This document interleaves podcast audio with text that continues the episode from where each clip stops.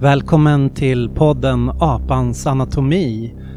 Idag har jag tagit mig ut till Järna, till ett, eh, vad ska man kalla det, en sorts socialt center utan väggar. Fast nu sitter vi inomhus. Hej Robin, välkommen. Tack så mycket. Ja. Socialt center utan väggar var en väldigt bra beskrivning. ja, vad, vad är vi på för ställe? Vad är... Vi är på Undertallarna i Järna. Och eh, det är en plattform, ett socialt center som vi har byggt fram i åtta års tid på kommunal mark med knappa resurser och med en järnvilja på något sätt att bygga fram och, och prova ut det som eh, vi har läst om och det som man eh, drömmer om ska finnas. Så eh, vi bedriver odlingar mm. Och eh, kulturevenemang och utbildning och samarbeten. Otroliga mängder samarbeten. Det är liksom vår drivkraft. Jag brukar beskriva det för folk som inte känner till det, för det i Stockholm är fast det är så nära, är det få som har hört talas om under tallarna, att ja men det är som cyklopen fast mer odling än punk. Mm, just det. Att det är som ett syskonprojekt. Ja men det känns ju verkligen som cyklopen är våran, vårt stora syskon. Har ni mycket kontakt med dem eller? Nej, skamligt lite känns det. Men eh, det är som att man är upptagen i sin dagliga praktik. Men eh, jag älskar det de gör. Mm. Och ja, men hela den rörelsen som det kommer ur är liksom en stor inspirationskälla till det här. Och vem är du då? Jag heter Robin Tidblom. Jag är trädgårdsmästare, konstnär och aktivist och utbildare kan man säga. Och är uppvuxen här i Järna delvis och i Delsbo i Hälsingland och född på Sollefteå BB. nu ockuperade BB. Ja, men precis. Så jag kommer från hela den gröna vågen-rörelsen kan man säga. Jag är född och uppvuxen i det. Det är mina rötter. Och du har dragit med hela släkten med hit också, eller hur? Ja, men precis. Vi driver det här kooperativet då som är grundfundamentet till Undertallarna. Det är jag och min bror och två till. Jannik och Simone som vaskar fram det här. Så ni är fyra stycken som är ett arbetarkooperativ eller ett brukarkooperativ? Här. Ja, men precis. Vad har ni för former av kulturaktiviteter här ute? Det... Ja, men vi har spelningar och med mycket workshops inblandat och någon slags politiska, konstnärliga workshops jobbar vi fram mm. för att få olika sektorer att mötas. Och, ja, men, en upplevelse är att det är väldigt mycket positioneringar och väldigt mycket snäva stuprör som vi vill eh, liksom bryta upp. Och det, den här odlingsarenan är liksom så inte skrämmande för människor. Så då använder vi det som en grundplattform för att skapa de mötena. Men hur mycket folk rör sig kring under tallarna? Den här sommaren har det varit, eller det här året har det varit annorlunda, men vi brukar ha 5 000 besökare ungefär på en säsong. Och förra året hade vi 2 500 i ordnade aktiviteter, så det är ganska massiva folkrörelser.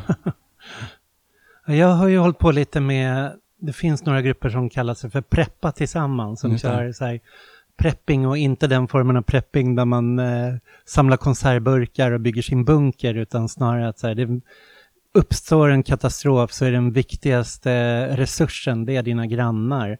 Så vi har försökt kartlägga så här, men vilka resurser finns det i området, både i form av lära känna grannar, men har vi Hyresgästföreningen, har vi lokaler, vad finns det för odlingsprojekt eller eh, tillgångar, vad, just också den här tanken att så här, i en kris så räknar staten med att, att uh, människor ska klara sig själv en, två veckor utan statligt stöd. De kommer behöva ta hand om uh, gamla och sjuka och då räknar de med att den här sociala autonomin och ömsesidiga hjälpen är det som ska, ska fungera och där finns det verkligen en staten lämnar en lucka för autonomi som jag tycker är intressant. Men då har vi kommit i kontakt med massor med sådana här liknande odlingsprojekt som håller på. Att ett har varit väldigt populärt med guerrilla gardening, så sen har det blivit mer olika former av vad de kallar folkodling eller odla ihop. Och... Stadsodlingsprojekt och ja men precis. För ni är en del nästan av ett sådant nätverk. Absolut. Vi är ju med och supportar den sortens utveckling med kunskap och, och vi kommer ju därifrån också. Mm. Men jag har liksom hela tiden haft viljan av att formalisera det, eller från den temporära autonoma zonen till den permanenta autonoma zonen på något sätt. Mm. Och ja, men kunna bistå med de kunskaperna som gör att ja, men allt från villägaren till gerilla trädgårdsmästaren kan få ha en kunskapsbas. Liksom. Ja. Så många av de här stadsodlingsprojekten, de har varit här på utbildning? Och... Ja, absolut. Och vi, och vi hjälper till så gott vi kan. Liksom. Ja, det är häftigt. Det finns ju, i Tantolunden har de ju en odling, de här, vad heter de, odla... Odla ihop. Odla ihop, ja. Och nu har de fått ett stort område utanför Stäket som de håller på med. Ja, gör åker. Norra. Ja, men precis. Så, de, så vi gick in och supportade dem i deras projekt där och sen har det liksom utvecklats. Så nu är de en stor odling lik, liknande oss med ett andelsjordbruk mm. också. Och det där sociala, så det är väldigt fint hur utvecklingen går och hur de inspireras till nästa steg. Eller också känner att de kan ta sig an den uppgiften, liksom, eller mm. det ledarskapet som det kräver. För att fylla den luckan också. Jag tänkte det här samtalet att vi kan gå in lite och prata om ömsesidig hjälp och lite utifrån eh, Kropotkins tankar och teorier i hans bok. Men en väg dit bara. Du och jag sprang in i varandra första gången för tio år sedan i New York av alla ställen. Så här. Båda var där på anarkistisk bokmässa. Ja, det var fantastiskt. ja, men eh, en av de där kvällarna, jag tror inte du var med den kvällen, det, var, det finns en queerbokhandel där i Lower East Side som heter Blue Stockings. De hade en sån här träff där det var gamla anarkistgubbar som samlades som skulle prata om anarkism versus marxism. Och dit gick jag och hamnade i samtal med dem där, där jag tyckte att, så, men vänta nu, alla de här rörelserna som har kommit nu, det här är liksom en utspelad konflikt. att eh, marxismen har någonstans, det som har kvar har närmat sig den utomparlamentariska strömningarna och anarkismen har också blivit mer plockat upp och kan eh, läsa Marx på ett frihetligt sätt. De där gubbarna de förstod ingenting men det fanns en man där som satt och liksom plockade upp den där tråden och bara, ah, men jag håller med och så här, mm. pratade och det var, fattade jag sen efteråt så här, när jag gick fram och pratade med det var David Graeber som är anarkistisk antropolog, aktivist. Och det här var ett halvår, vi, vilken timing alltså, vi var där ett halvår innan Occupy Wall Street bröt ut. Fan. ja, det var precis. Allting var, andades att någonting var på gång. Ja, någonting var ju på gång, helt klart. Mm. Eh, och Graeber han var ju betydelsefull i Occupy Wall Street. Han gick på alla stormöten och var med planering inför och han myntade ju det här We are the 99% och han kom med den här boken Skuld som han hade suttit skrivit på med perfekt timing där då till Ja men precis, den enorma boken. Ja. Jag tänkte, Graeber gick ju bort i början av september i Venedig, bara 59 år gammal. Och något av det sista han gjorde, han har en ny bok som inte har släppts ännu. Som, eh, nu minns jag fan inte vad den heter, men den handlar om, han kommer liksom spåra hierarkierna, förtryckens historia från, skriven tillsammans med en eh, arkeolog från stenåldern fram till idag. Men hans sista text som släpptes, det var ju en ny introduktion till Kropotkins ömsesidig hjälp. Det är ju fantastiskt att det att det kommer en bok till, men att det var just den där texten. Det är som att det är verkligen en bok som behöver få ögonen på sig igen. Aha. Vi har lagt fram våra versioner här på bordet framför oss. Jag har den här nya jättesnygga flådiga från Söderbokhandelns förlag där, där det är Bo Greiders som har översatt, som är Göran Greiders brorsa och han har skrivit efteråt som heter Ömsesidig hjälp. Och du har en väldigt tummad, sliten eh, från Federativs klassiker här med som då heter inbördes hjälp istället. Ja. Vad tycker du bäst om, inbördes hjälp eller? Ömsesidig har ju en bättre konnotation. Ja. Men eh, likväl en fantastisk bok. Vad betyder Krapotkin för dig då? På något sätt i allt mitt sökande genom historien och vad som, ja men vad det finns för lösningar på något sätt. Det är väl det det handlar om. Och hitta vägar framåt.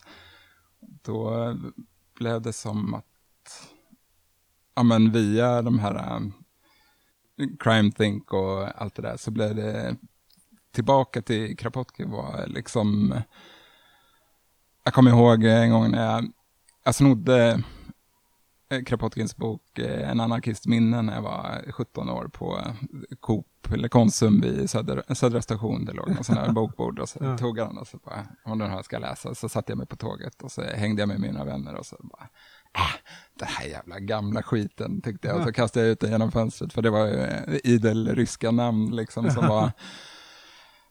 Men eh, i dagsläget är det nog min absoluta favoritroman och min favoritbok som verkligen har gett mig mest. Mm. För att eh, Kropotkins grundade medmänsklighet liksom är någonting som andas ett djup och en eh, så oerhörd kunskap om ja, men ett sätt att förhålla sig till världen som eh, är ödmjukt och framåtskridande. Det är, jag kan liksom spåra det där spåret i andra favoriter som Ursula K. Le Guin eller En väg av ett tankespår som tilltalar mig otroligt mycket mm. i min politiska drivkraft.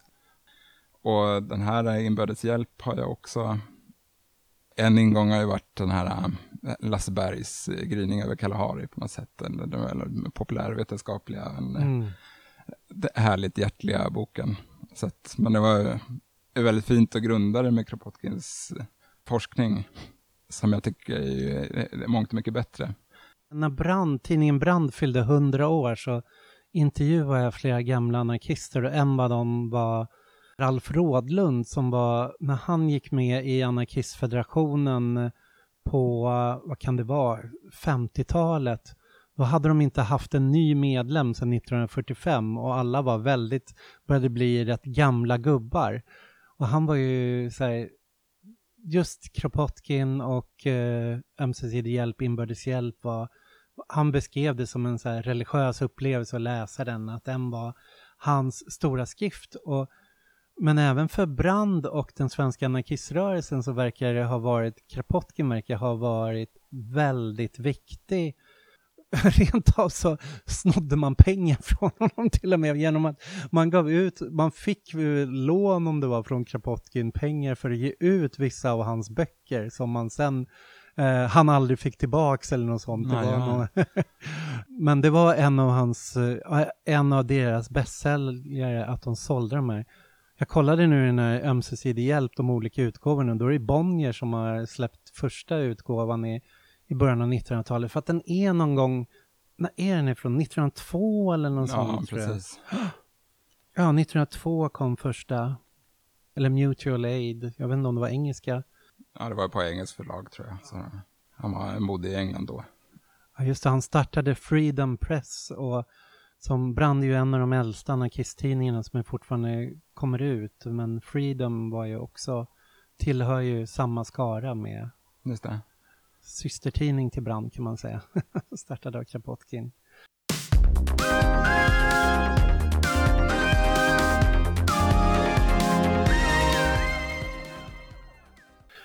Det här förordet som David Graeber har skrivit mm. Han har gjort det tillsammans med en av hans eh, samarbetspartners då som, har, som släppte den här efteråt. Som, eh, Andrei Grubasic. Ja, just det. Men det är ju ett fantastiskt förord och det är eh, ganska hög densitet i det hela. Och som att han, eh, det är också väldigt fint hur han eh, hyllningar längs hela vägen på något sätt. En, en skål till Kropotkin en, och en sån där ja, men man märker att han blir berörd av att återkomma till den här texten. Så ömsesidig hjälp. Den är ju väldigt så här träffande om man tänker på David Graeber. Han, eh, jag har en bok här också med mig som heter Fragments of an Anarchist Anthropology.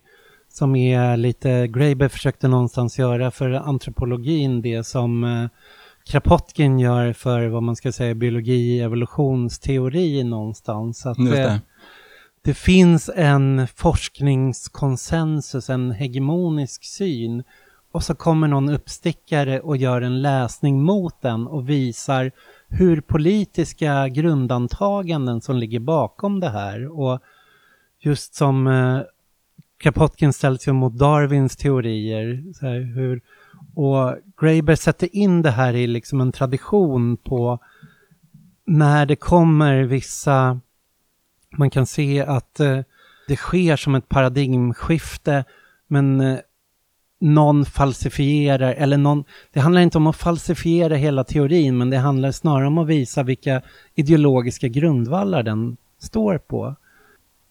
Vad är det för tre, han drar igenom tre exempel här i den här inledningen, som olika exempel. Private property and money är den första på något sätt. Eller hur det, ja men växer fram någon slags social rörelse och kritik utifrån det där i eh, upplysningen. Liksom, men hur Adam Smith och de krossade.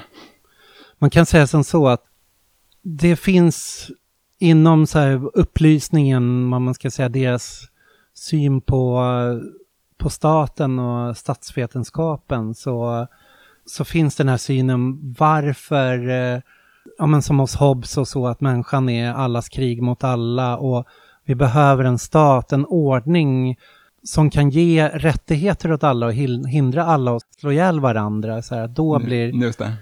Och då har Graeber hittat liksom en person som, eh, som heter Kondia Ronk som var, deltog i en debatt med franska guvernören av Quebec. Så det här var liksom en fransk debatt som man kan säga kom att ligga mycket grund sen för kanske franska revolutionen. Och den här debatten, den blev populariserad i en eh, pjäs som gick i 20 år i Paris, där han, han går och säger men det är inte, det här inte, handlar inte om någon mänsklig natur, att eh, staten är nödvändig, utan det handlar om eh, hur privata egendomen och ekonomin, den kräver, eller när vi har privat egendom och ekonomi så kräver det en form av statsform och folk kommer också agera på ett visst sätt när vi har det ekonomiska systemet.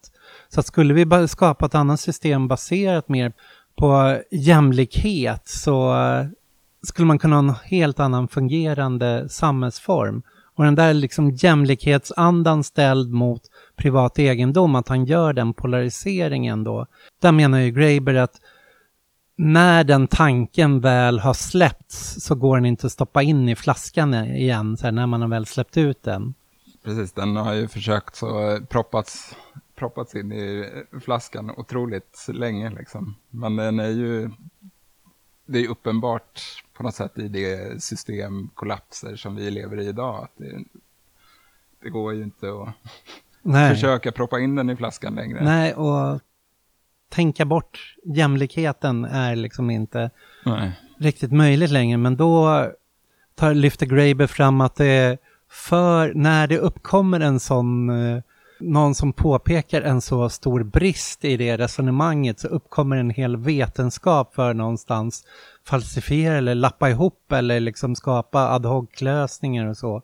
Och det är där han ser så här, nationalekonomin uppkom med Adam Smith och allt sånt då, för att förklara så här, jo men varför det här är visst rationellt med att försvara egendomsrätten.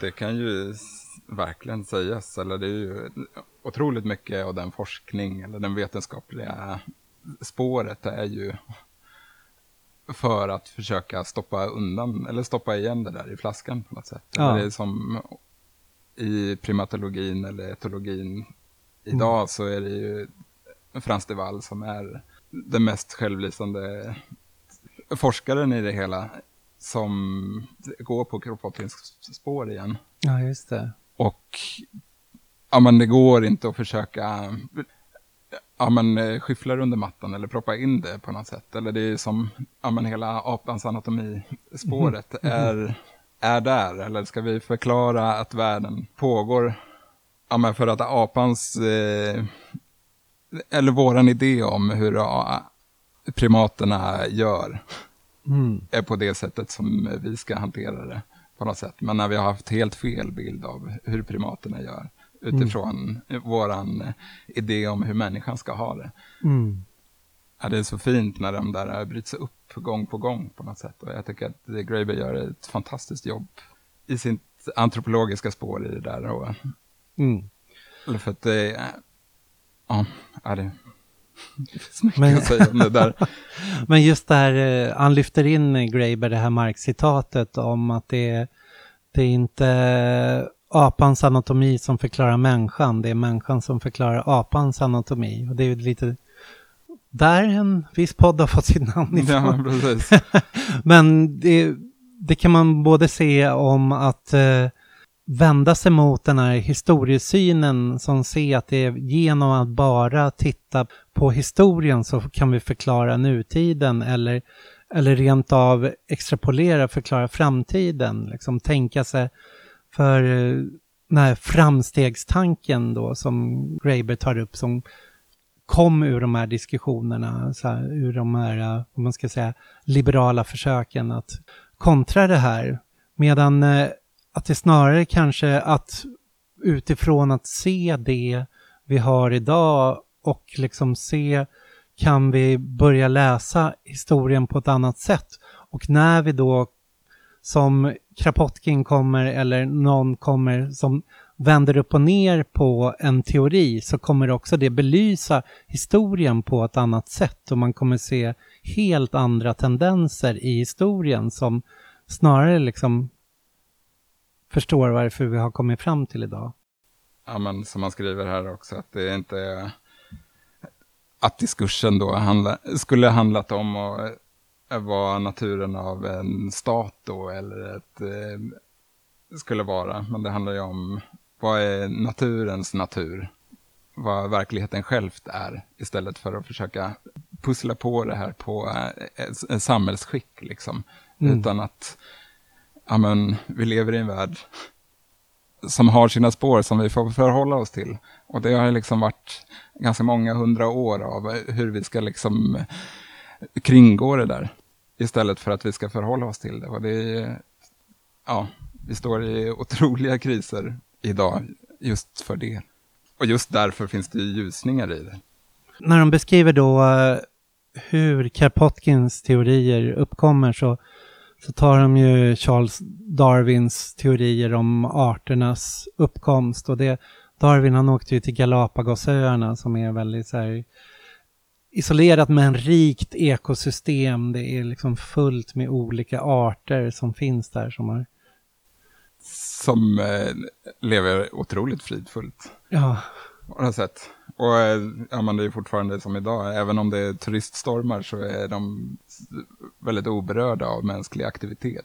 Djuren där, så de har, eh, den där skräckfaktorn hos djuren finns inte för människan. Liksom. Det är ju otroligt spännande. Och det Krapotkin istället gör, han är ju, han är ju inte biolog eller, utan han reser ju runt och gör reseobservationer samtidigt som han tittar på den ryska forskningen som har utvecklats, man kan säga parallellt med den som sker i England och att det finns en stor i England har man kunnat bortse från den ryska forskningen just för att Darwins teorier kommer att politiseras och dras in så mycket i den framväxande liberalismens mm. teorier mm. om konkurrens och den, Alltså, den, ja, den starkes rätt och de föreställningarna som egentligen inte då kanske finns hos Darwin, men det blir den politiseringen. Nej, men som eh, politiseras på honom, det är som att, för Kropotkin motsätter sig inte att det också är, eller att, eh, ja, man ska säga, narcissismen är en del av, eller den här starkes är också en del av den, eh, den natur vi lever i, men att det också finns det här andra starka spåret av ömsesidig hjälp. Mm. Och, att det, och det är ju ingenting som eh, Darwin heller motsatte sig. Liksom.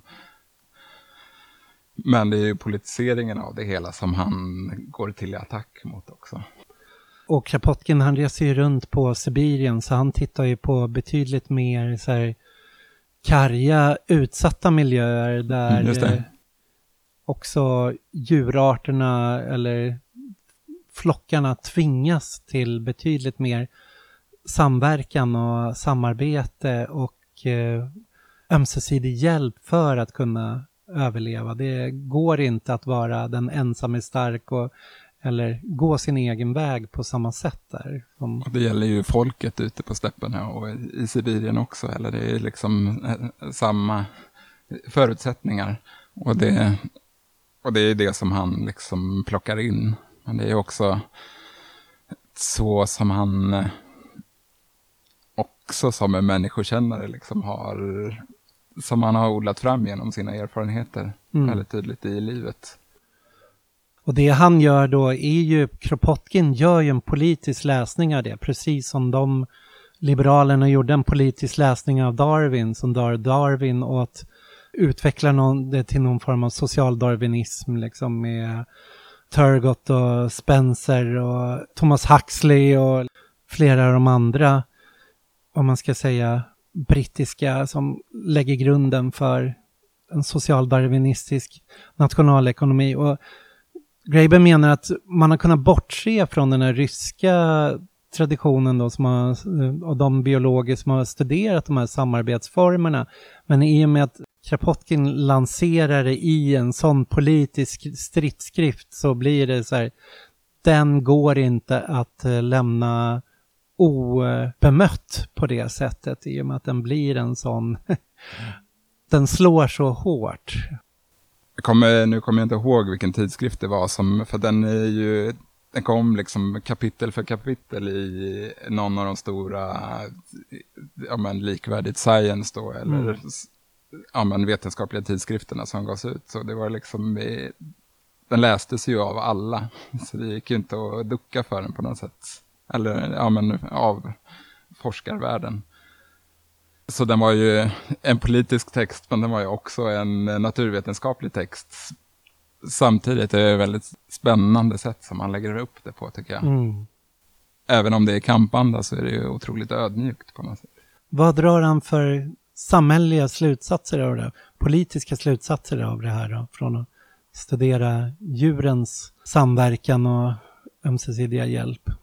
Att den, eh, ja men så som Graeber säger, att den statslösa eh, socialismen är nog liksom det mest rimliga spåret om vi ska förstå apans anatomi på något sätt. Mm. Ja, men för att få till en sån värld som, eh, som är möjlig så behöver vi förhålla oss till att inbördes hjälpinstitutioner är, släpps fram. Eller det är ju sånt som vi alltid håller på med på något sätt. Och det är senare, senare kapitlen handlar ju om ömsesidig hjälp i, i tidigare kulturer, ömsesidig hjälp i medeltiden och ömsesidig hjälp idag då på 1800-talet. Så att han kopplar det längs hela vägen och det är otroliga projekt som han beskriver som är byggda på de här principerna som är liksom det som är grundvalen till det, ja men de bästa institutioner som vi har haft på något sätt. Mm. Eller som är förvanskade på något sätt. Eller som... Här på Undertallarna så är vi utifrån det här så eh, vi hade inga pengar när vi startade så vi ville vara på kommunal mark kändes det som det rimligaste. Eller liksom, det är väl det närmaste någon slags samägd. Eller vi äger ju tillsammans den här marken. Är det ju min rimliga läsning av det hela. Men det, jag har varit lite krockar med det där. Mm. Men eh, de gemensamma resurserna, de eh, behöver vi se som gemensamma resurser. Och det är väl eh, den politiska läsningen av det på något sätt. Vi är i en värld med otroligt många gemensamma resurser som vi bör förvalta, men de bör ju inte förvaltas av en stat, alltså ovanifrån. För David Graeber är ju väldigt mycket inne på samma spår i sina skrifter, att det han gör är ju att försöka titta han har gjort som en eh, litet manifest som är en tunn pamflett som heter Fragments of an Anarchist Anthropology. Där han går igenom så här, varför är inte antropologer och anarkister mer intresserade av varandra? För, och hur gör man en antropologi som inte går att titta på bara så här, samhällssystemens eh, eller uppbyggnad ovanifrån utan snarare titta på de här eh, självständiga traditionerna, precis som Kropotkin gjorde då av ömsesidig hjälp eller hur människors solidaritet och liksom stöd har varit bärande genom historien. Så han, han föreslår ju en antropologi som utgår från det där, där kungar och härskare inte är självklara liksom att utgå eller bygga upp historien kring eller utan snarare liksom titta på hur har människor organiserat sig själva och om man kontrar det här liksom hos, hos Kropotkin och Greyberg så som eh, anarkister så är det liksom, de ställer det här lite utanför historien, att det här är någonting som alltid har funnits. Hos Marx så är ju liksom kommunismen är ju ett historiskt stadie så att säga, att det, det är någonstans, man måste hela tiden historisera hur produktionen utvecklas och det skapar förutsättningar för olika former av samhällsorganisering som, som motsvarar hur vi organiserar, hur vi, hur vi producerar det vi behöver för att överleva. Och det skapar en viss form av samhällsformation. Och att därigenom, även om det finns en tanke om en urkommunism som nämns innan det här privata egendomen uppkom så är det någonstans, det är först nu i historien som när vi har passerat genom kapitalismen som förutsättningarna för kommunism har kommit fram. Och även hos här Negri Hart som jag lyfter mycket i den här podden eh, eh, och är väldigt inspirerad av, de är också så här att det är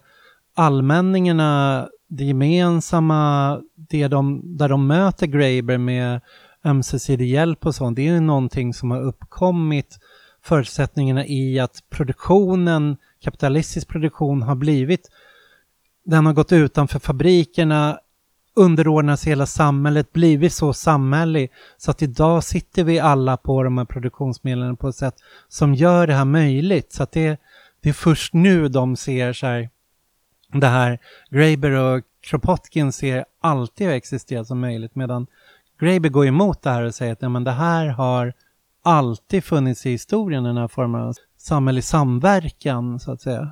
Då kan vi ju återgå till eh, vart vi är någonstans ja. i, i, i jordbrukssektorn på något sätt. I den produktionen som är ja, men, kampen för brödet. Och så, ja men, samma som att rota sig tillbaka till grundfundamentet på det som vi står på, så var det sökandet otroligt viktigt i det vi, vi har företagit oss. Att mm. eh, hitta en, ja men leta oss tillbaka, vad är det som är liksom grundpremissen för liv? För mänskligt liv på något sätt, det är maten. Vart är det? Och det har ju liksom de senaste hundra åren spottats på som någonting som är väldigt eh, dålig produktionsled. Liksom. När bonden är den, eh, den sämst betalda, mest utskällda individen i samhället på något sätt. Medans vi ständigt är i behov av den där äh, jordbrukaren. Och i, i jordbrukarens värld, i bondesamhället, det mm. lilla som finns kvar, eller, så finns de här uh, principerna väldigt tydligt fastställda. Det var därför vi valde att flytta till Järna, för att här känner jag tillräckligt många som från alla samhällsled på något sätt. Och att kunna få tillgång till den eh, ömsesidiga hjälp som behövs för att kunna komma i produktion. Alltså jag behöver ha bondens hjälp med eh, gödsel. Och han, det går att byta tjänster med bonden. Det, skulle, det är ju väldigt svårt med eh, en industriproduktion till exempel. Eller, så för att leta rätt på de där eh, grundkvaliteterna som, eh, som är ömsesidig hjälp. Ja, men det har ju möjliggjort otroligt många synergier och eh, väldigt många möten och väldigt många och en väldigt hög produktion. Så att vi i det här sökandet så har vi också eh, företagit oss att utbilda oss konstant. Vi har eh, varit här i åtta, nionde året. Jag har hållit på med det här i elva år kanske. Från eh, skrivbordsstadiet till verklighet. Vi producerar 10 ton grönsaker till ja, men 90 familjer och en förskola, en, en högstadieskola och en, ett LSS-boende. Och, ja, men det är som, vi har en bred spridning, vi har ett starkt nätverk och en hög produktion. Som att vi sammanbygger de här grundpremisserna på något sätt. Och vi har inspirerats av Toyotas eh, lean-metoder för att kunna... Hur då? ja, men eh, att förenkla varje station och ja. förenkla varje moment för att jordbruk är en av de tyngsta och minst avlönade produktionsformer. Och då behöver vi ju hitta vart, vart förenklar vi så mycket som möjligt så att det blir en sån, eh, så raka led som möjligt.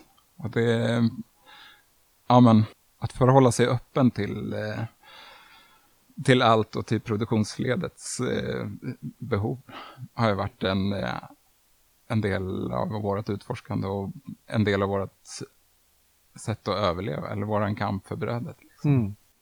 Men hur mycket frivilligarbete bygger det på att folk kommer hit och jobbar och väldigt lite frivillig arbete. Det är som att eh, folk kommer, ja men det är utav nyfikenhet och vilja som man kommer och få lära sig någonting. Men vi har ju, jag kan inte ens, jag brukar tänka på det ganska ofta, hur många som har bidragit till att det här är möjligt. Det finns liksom, den är oändlig den listan. Över de folken som har gett en del av sin eh, kärlek eller sin kraft. Eller... Och det, ja, det är djupt berörande att se att den, att en så till synes liten sak kan eh, ge och samla så mycket. De eh, skolor och så som får mat härifrån, kommer de hit och eh, hjälper till eller är de barnen besöker det här eller hur? Hur ser relationen ut då mellan? Vi har haft eh, förskoleklasser här som har då fått smaka sig igenom trädgården och ja, man kanske planterar någonting eller och vi har jobbat med skolor och vi mm. försöker liksom nå hela samhällsskiktet. Från de minsta till de äldsta och från ja, men, de frihetliga hippies till eh, banktjänstemän. Det är liksom superviktigt att och det är möjligt också. För det är någonting i det här som är så grundläggande mänskligt. Så det finns ingen positionering på det sättet i det. Och man känner sig inte hotad av det som vi pysslar med. Även om det är med djup eh, anarkistisk vilja som vi bedriver det här.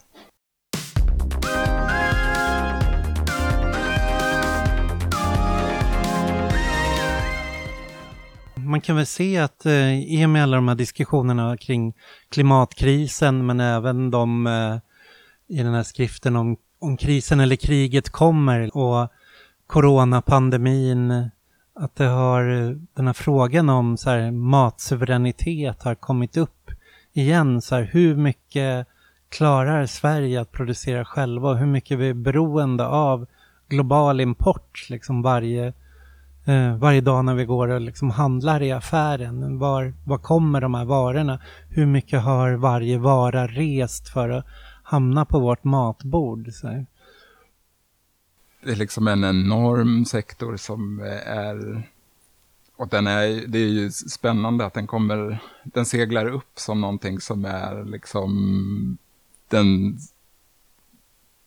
den värsta boven i stora delar av den utveckling som vi har och en av lösningarna samtidigt. Liksom, mm. Av eh, omställningen av jordbruket till någonting som är en praktik som jag har ingen aning om hur länge vi har bedrivit den på något sätt. Någon slags eh, trädgårdsmästeri av den här planeten. Mm. Och som har möjligheter att binda kol och bygga jordar och, och hålla vatten och mm. också skapa mänskliga relationer eller möjligheter för. Och som det betyder inte att alla behöver vara involverade i, men alla äter vi. Hur mycket klimattänk är det i det här projektet? Det är ju otroligt starkt, även om vi är en väldigt liten plats. Vi är knappt två hektar, men vi jobbar och utforskar de tekniker som, som finns till hands och det som, det som folk kommer på för att binda kol eller för att bygga biologisk mångfald. Ja, vi jobbar mycket med den frågan fast utifrån ett praktiskt perspektiv. Men också utbildande. Det är intressant med Järna också att Järna ligger ju i Södertälje kommun och Södertälje kommun, det är ju, Södertälje är en gammal hamnstad men det är ju liksom en, vad man kan säga, fordistisk industristad. Att de två största arbetsgivarna där har varit eh, det här läkemedelsföretaget AstraZeneca och så har det varit Scania som har haft sin produktioner. Nu har ju båda de successivt trappat ner, outsourcat produktion eller slimmat produktionen så att det från att ha varit de som har anställt flest personer i Södertälje så har plötsligt en tredje stor kraft uppkommit i Södertälje kan man säga under en längre tid. Och det är ju alla de, det finns ju det här stora antroposofiska Waldorf eh, världen kan man säga här ute med ekologiskt jordbruk och allt sånt att det börjar bli den största arbetsgivaren i kommunen, att folk är sysselsatta i det. Just det. Med massa LSS-boenden och liknande vårdverksamheter och, och jordbruk. Ja, det är ju en spännande utveckling. Och det är också spännande att eh, Rudolf Steiner var otroligt inspirerad av ömsesidig hjälp. Ja, okej. Okay. Ja. Jag vet att han var intresserad av Stirner, men inte av Kropotkin. Nej, men han, var, han förkastade Stirner, men hade någon slags eh, brevväxling med honom. Jag, var, jag fick höra det här för några månader sedan bara, och blev så här, men eh, Kropotkin var, låg till grund för väldigt mycket av hans det politiska tänkande. För det här är ju lite som Stockholms gröna vågen-mecka dit alla som är intresserade av någonstans ekologiskt eller alternativ odling. Ja, men precis. Det passerar ju otroligt mycket människor som är intresserade av de frågorna. Det är som en språngbräda ut till folks egna projekt. Men det intressanta är också att Södertälje kommun är de som en slags postfordistisk eller stad ska börja hitta vad kan de vara efter de här stora fabrikerna så är det som grön matkommun, att det är det de försöker också då bli en nav kring att eh, plocka upp den här kunskapen som finns, som här är under tallarna. Märker ni av det, liksom, den satsningen från Södertälje? Ja, absolut. Det, vi har haft stor hjälp av det spåret som de har, har lagt. Men vi är också med och bygger fram det väldigt mycket. Och jag, jag tror väldigt mycket på den idén eftersom vi om dels har vi 80 år av ekologisk kunskap, i, eller hållbart odlande och ja, men alternativa metoder. Även om man kan ha åsikter om massa olika saker här så finns det enormt mycket nedärvd kunskap. Och att det är så nära till stan på något sätt. Eller, det skapar en möjlighet för att ha nära till den förståelsen. Och om Stockholm ska försörjas så är det nog från, härifrån och från Sörmland och det behöver vi ju och norr om stan också såklart. Men eh, vi behöver ju förvalta de kunskaper som det finns och utveckla dem. Så att vi har en hög produktion. För att eh, markarealerna är ju inte enorma och jordarna är slitna i den mesta delen av världen. Och det behöver vi, det behöver vi ha regenerativa metoder för att återupprätta. Jag tror att ja, inom tio år så kommer eh, jordbrukssektorn vara en väldigt stor arbetsgivare i eh, det samhälle som eh, behöver byggas fram. Och det är inte... Ja, jag är också utopist, va? men jag... Tidsoptimist och utopist. Men eh, jag ser eh, stora vinningar och jag ser eh, det är möjligt utifrån de metoder som växer fram som inte är eh, lika slitsamma som jordbruket en gång har varit. Och lika krävande för det biologiska livet.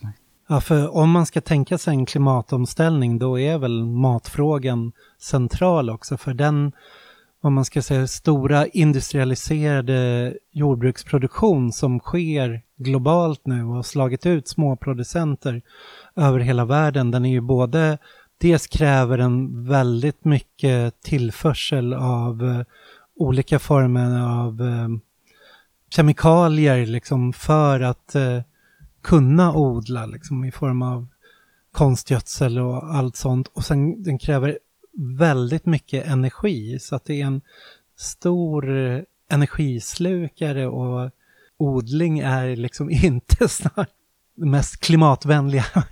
Nej men precis. Men det har otrolig potential att avbinda kol och reversera hela den utvecklingen på något sätt med rätt tekniker. Och det är otroligt enkla tekniker för att göra det.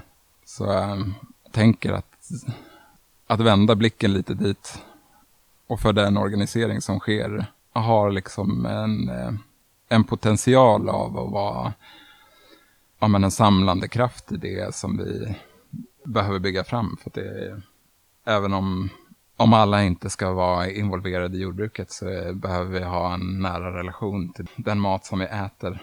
Och, ja, men och stödja det. Om vi stödjer de eh, grundfinesser som vi har i samhället så har vi också en bättre chans av, av ja, men jobba fram underifrån organisering, tänker jag. För att eh, den rörelsen som vi tillhör av odlingsinitiativ, vad det gäller stadsodlingar eller eh, ute på landet odlingar, det är ju otroligt eh, sociala rörelser. Bara det med andelsjordbrukets framväxt eller med rekoringar. Och då är det liksom en transaktionshandel som är direkt utan mellanhänder och det skapar ju relation till den som producerar på något sätt och det i sina led skapar ju förståelse.